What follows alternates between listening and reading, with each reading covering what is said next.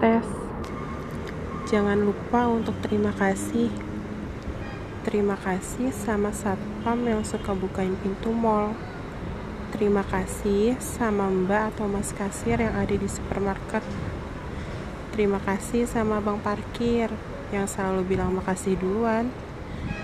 Terima kasih sama bang ojol yang udah mau nganterin ke sana ke sini. Terima kasih sama temen yang udah mau berteman sama kamu, padahal dia tahu kamu orangnya nyebelin.